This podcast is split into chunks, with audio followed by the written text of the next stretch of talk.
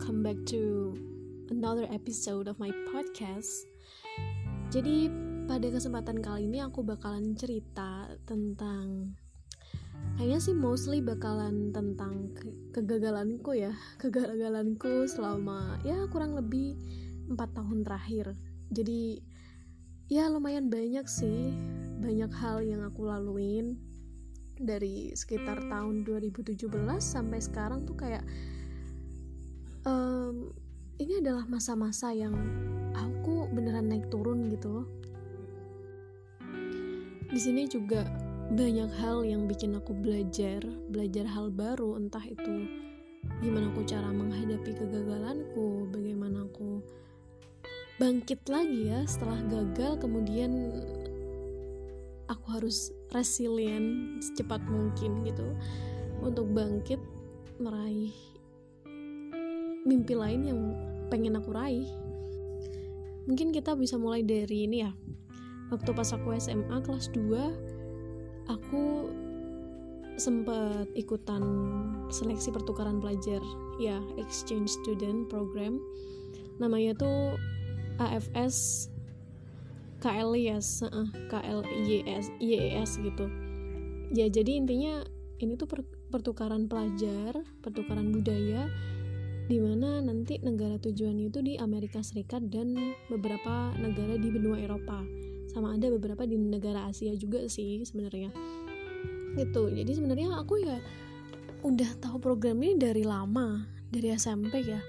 Karena ada kakak kelasku SMP kebetulan juga ini pernah keterima program ini dan ya udah dia pertukaran belajar di Texas Amerika Serikat. Gitu terus ya aku banyak tahu beberapa info dari dia juga.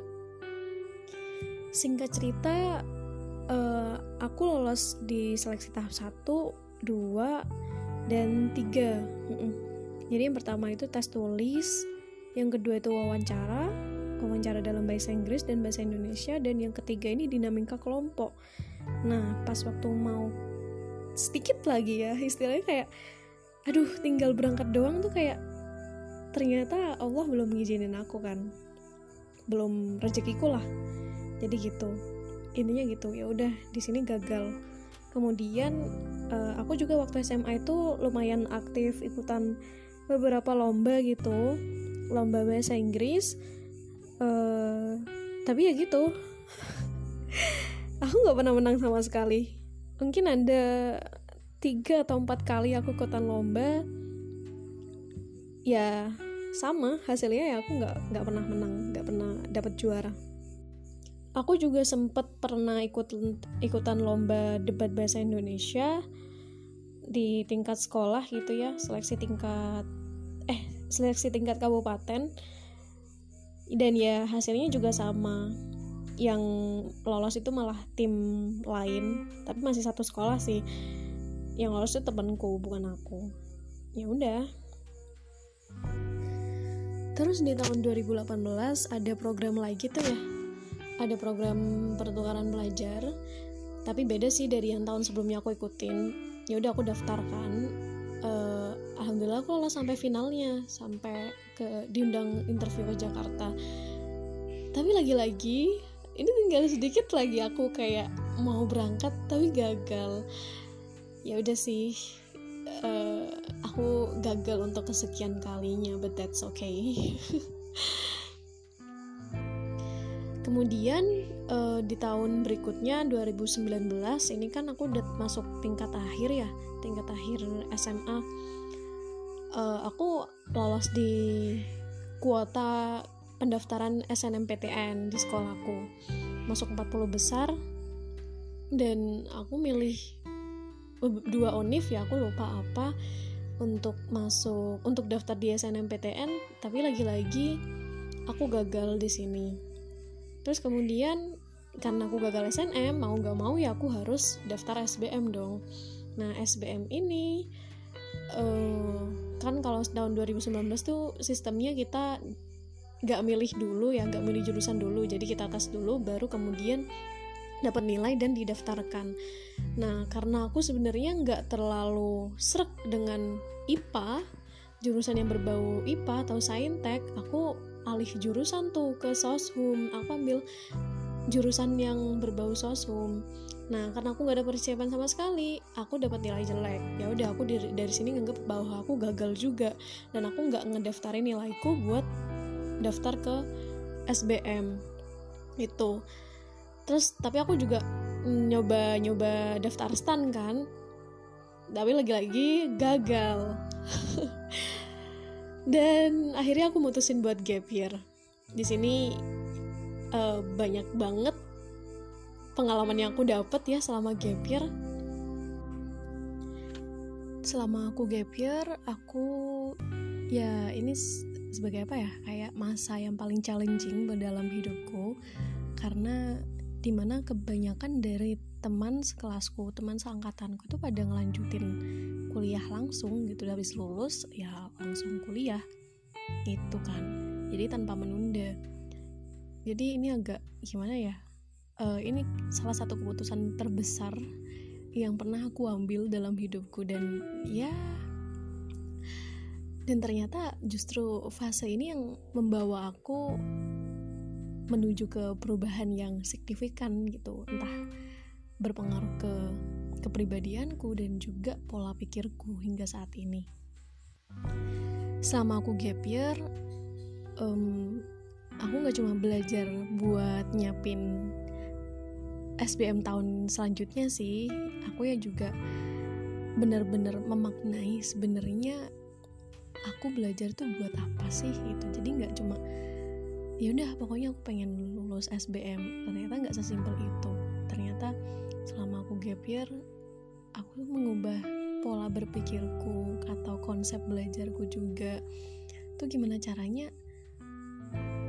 Aku belajar karena aku butuh gitu. Aku belajar karena aku suka belajar gitu. Ngerti gak sih?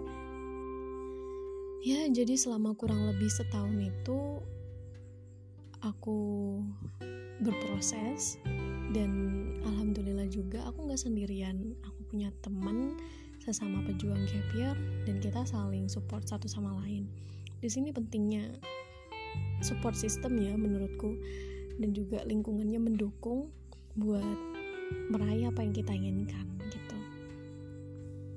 Nah, for your information, aku sebenarnya me, apa ya menetapkan goals jurusan ilmu psikologi Universitas Indonesia.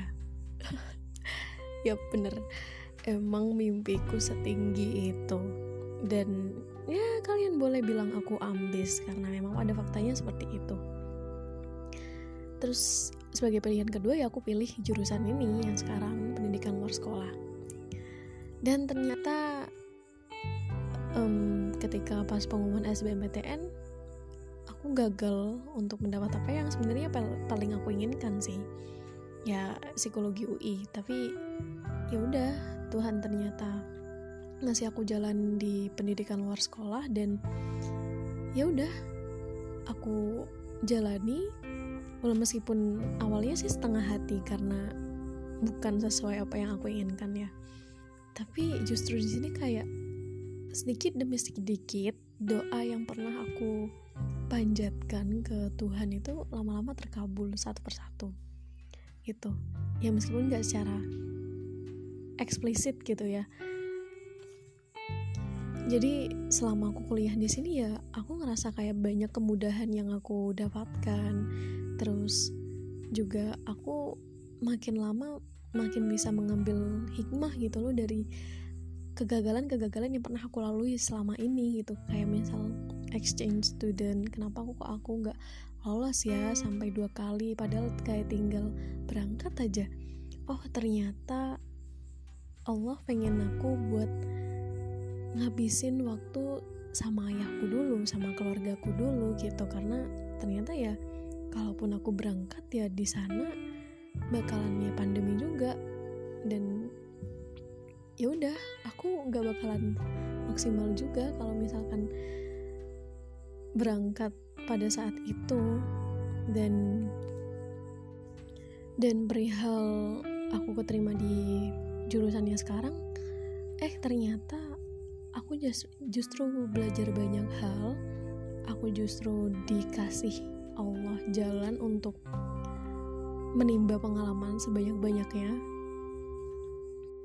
entah itu melalui magang melalui kesempatan buat ngajar privat kesempatan buat um, ketemu banyak orang aku ikutan konferensi internasional MUN itu dan juga aku ketemu orang-orang hebat dan menginspirasi yang bisa bikin aku kayak hmm, ternyata gini maksud Allah naruh aku di kondisi seperti yang sebelum-sebelumnya terus terkait beberapa kegagalan yang udah aku hadapin aku coba buat melihat dari sudut pandang yang berbeda.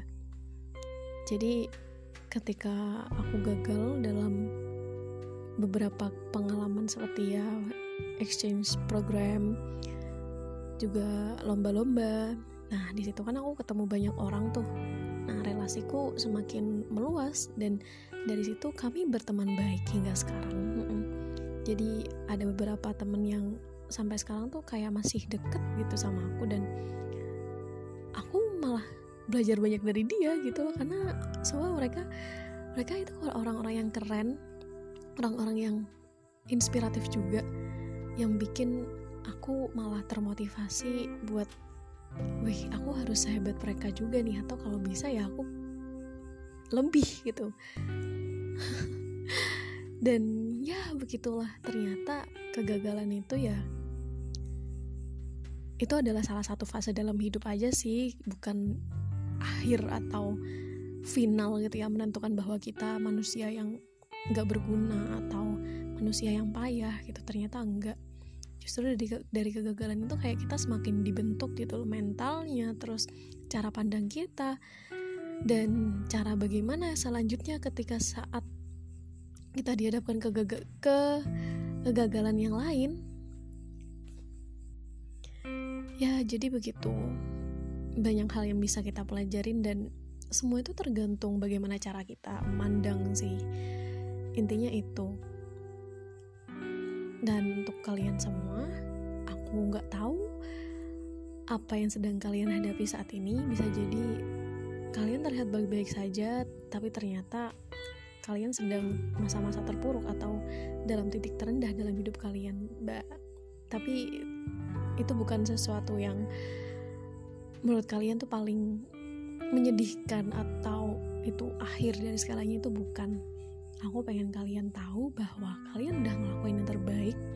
Kalian udah jadi sesuatu yang mengambil apa ya berani mengambil resiko berani untuk mengambil jatah gagal gitu.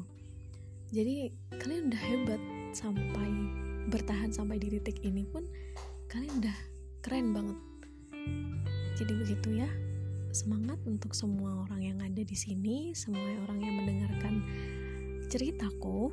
Semoga kalian dapat bersinar suatu saat nanti. Semangat